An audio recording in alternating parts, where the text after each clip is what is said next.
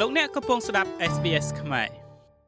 ប្រទេសអូស្ត្រាលីឈានចូលដល់រដូវកាលនៃការលក់រាយដ៏មមាញឹកបំផុតប្រចាំឆ្នាំដោយនៅថ្ងៃសុក្រនឹងមានការលក់បញ្ចុះតម្លៃពិសេសហៅថា Black Friday និង Cyber Monday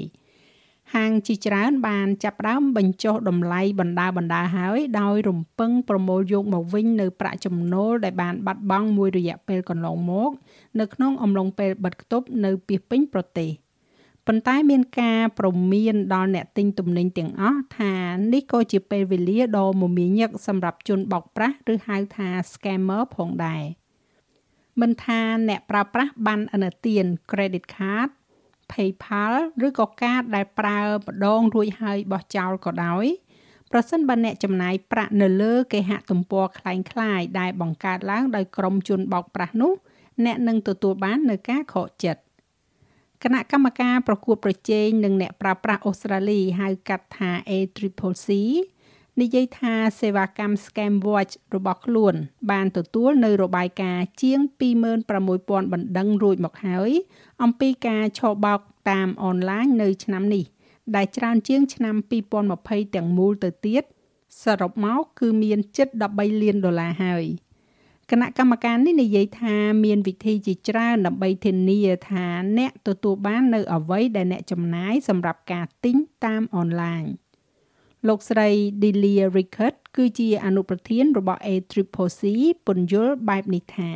do a Google search to see what others have had to say about ធ្វើការស្រាវជ្រាវឬក៏ search តាម Google ដើម្បីដឹងពីអ្វីដែលអ្នកដទៃទៀតបាននិយាយអំពីពួកគេ ខ្ញុំយល់ថាវាជាវិធីល្អបំផុតដើម្បីកំណត់ថាតើអ្វីមួយគឺជាការបោកប្រាស់ឬក៏អត់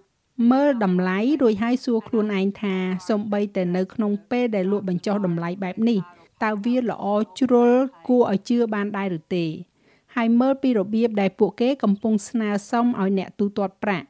ជារឿយៗពួកគេនឹងបញ្ជូនអ្នកទៅកាន់ការសន្ទនាតាមអ៊ីមែលហើយសុំឲ្យអ្នកបង់ប្រាក់តាមរយៈការផ្ទេរប្រាក់តាមធនាគារវិញជាជាងតាមរយៈកាតឥណទាន credit card ឬក៏ PayPal ដែលជាវិធីបង់ប្រាក់តាមធម្មតានោះ។ប្រជាជនអូស្ត្រាលីនឹងសម្លឹងរកមើលរបស់របរបញ្ចុះតម្លៃនៅពេលដែលពួកគេរួចផុតពីការបិទគប់ lockdown ហើយទំនងជានឹងចំណាយទៅលើវត្ថុផ្សេងៗជាច្រើន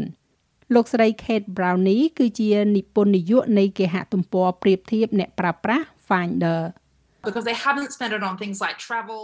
ដោយសារតែពួកគេមិនបានចំណាយទៅលើរបស់របរចំណាយទៅលើការធ្វើដំណើរឬក៏ចេញទៅខាងក្រៅដោយធម្មតា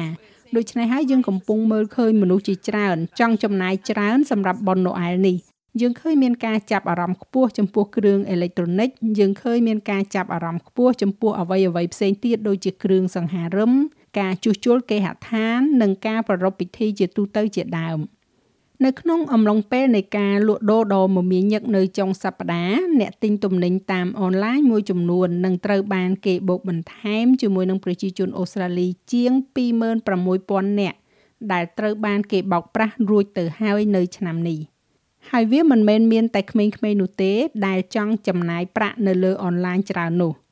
លោកស្រី Debbie Vine គឺជាប្រធាន ផ្នែកទីផ្សារនៃក្រុមហ៊ុន Zipco ជាក្រុមហ៊ុនដែលផ្ដល់ជូននៅអតិថិជននៅកាតដែលប្រើប្រាស់ម្ដងម្ដងរួចហើយក៏បោះចោលការភ័យខ្លាចចំពោះការឆបោកឬក៏ scam ត្រូវបាន គេមើលឃើញថាមានការកើនឡើងនៅតម្រូវការសម្រាប់ផលិតផលបែបនេះ ហើយប្រជាសាស្ត្ររបស់ប្រជាជនដែលជ្រើសរើសប្រើប្រាស់វិធីបង់ប្រាក់ថ្មីៗក៏កំពុងតែផ្លាស់ប្ដូរផងដែរ it's actually been changing over time so វាពិតជាកំពុងផ្លាស់ប្ដូរទៅតាមពេលវេលាដូច្នេះប្រជាសាស្ត្ររបស់ Zip បានផ្លាស់ប្ដូរពីអតិថិជនប្រភេទ Generation Z ហើយឥឡូវនេះយើងកំពុងតែជួយឬក៏ផ្ដល់សេវាកម្មដល់អតិថិជនជាច្រើនរហូតដល់ចំនួនប្រភេទ Baby Boomer មួយចំនួនហើយប្រហែលជាមិនមែនជាអ្នកដែលទទួលយកបច្ចេកវិទ្យាថ្មីថ្មីពីមុនមកនោះទេប៉ុន្តែយើងពិតជាមើលឃើញថាមានការផ្លាស់ប្ដូរប្រជាសាស្ត្រដែលមានវ័យចំណាស់ចំណាស់ច្រើនឥឡូវនេះ រហូតមកទល់នឹងពេលនេះនៅក្នុងឆ្នាំ2021ក្រុមជនបោកប្រាស់ឬក៏ scammers រកលុយភាគច្រើនបានមកពីតម្រូវការសម្រាប់សត្វចិញ្ចឹមនៅក្នុងពេលបិទគប់ដែលគេមើលឃើញថាវិស័យនោះคล้ายជាផ្នែកមួយដ៏រីកចម្រើនបំផុតសម្រាប់អ្នកបោកប្រាស់តាមប្រព័ន្ធអ៊ីនធឺណិត ពួកគេបោកប្រាស់បានប្រាក់ក្រោម3លាន5សែនដុល្លារបន្តិចតែប៉ុណ្ណោះគិតត្រឹមចុងខែតុលានេះ ហើយខាងផ្នែកយានជំនិះវិញគឺស្ថិតនៅក្នុងលំដាប់បន្ទាប់ដែលមានទឹកប្រាក់ជិត2លានដុល្លារហើយបន្ទាប់មកទៀតគឺខាងគ្រឿងចាក់ធុនធ្ងន់ដែលមានទឹកប្រាក់ឆបោកចំនួន1លាន1សែនដុល្លារការបោកប្រាស់លើកុងតឺន័រដឹកជញ្ជូនទំនិញក៏បានផ្ដោតគោលដៅទៅលើអាជីវកម្មខ្នាតតូច ខណៈពេលដែលការក្លែងបន្លំលើផ្ទះចល័តបានតាក់ទាញជនរងគ្រោះដែលអស់សង្ឃឹមសម្រាប់ថ្ងៃឈប់សម្រាកកាយរបស់ពួកគេ ដែលបានបាត់បង់ទឹកប្រាក់ចំនួន585,000ដុល្លារទោះបីជាមានគ្រោះថ្នាក់នៃការទិញទំនិញតាមអនឡាញក៏ដោយក៏អ្នកលក់រាយហាក់ដូចជាលក់ដាច់ខ្លាំងនៅក្នុងអំឡុងពេលខិតជិតដល់បុណ្យណូអែលនិងក្រោយពីនោះលោកស្រី Kate Brownie បញ្ជាក់បន្ថែមម្ដងទៀត។ ប្រជាជនអូស្ត្រាលីកំពុងប្រាប់យើងនៅលើគេហទំព័រ Finder ថាពួកគេមានបំណងចាយប្រាក់ច្រើនជាង5000លានដុល្លារនៅក្នុងការលក់បញ្ចុះថ្លៃនៅថ្ងៃ Black Friday នេះហើយអ្វីដែលគួរឲ្យចាប់អារម្មណ៍នោះវាជាលើកដំបូងហើយដែលប្រជាជនអូស្ត្រាលីកំពុងប្រាប់ឲ្យយើងដឹងថា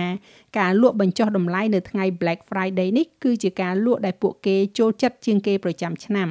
គឺចូលចិត្តជាងការលក់បញ្ចុះថ្លៃនៅថ្ងៃ Boxing Day ទៅទៀតមិនថាអ្នកចូលចិត្តទិញទំនិញនៅពេលណាក៏ដោយ ACCC ដាស់តឿនឲ្យអ្នកប្រើប្រាស់ទាំងអស់ដឹង ថាពួកគេមានសិទ្ធិប្រសិនបើមានអ្វីមួយខុសប្រក្រតីសូម្បីតែនៅចំរដូវកាលនៃការលក់បញ្ចុះតម្លៃក៏ដោយចាស់ហើយរបាយការណ៍នេះចងក្រងឡើងដោយ John Baldock សម្រាប់ SBS News ហើយប្រែសម្រួលសម្រាប់ការផ្សាយរបស់ SBS ខ្មែរដោយនាងខ្ញុំហៃសុផារ៉ានីចុច like share comment និង follow SBS ខ្មែរនៅលើ Facebook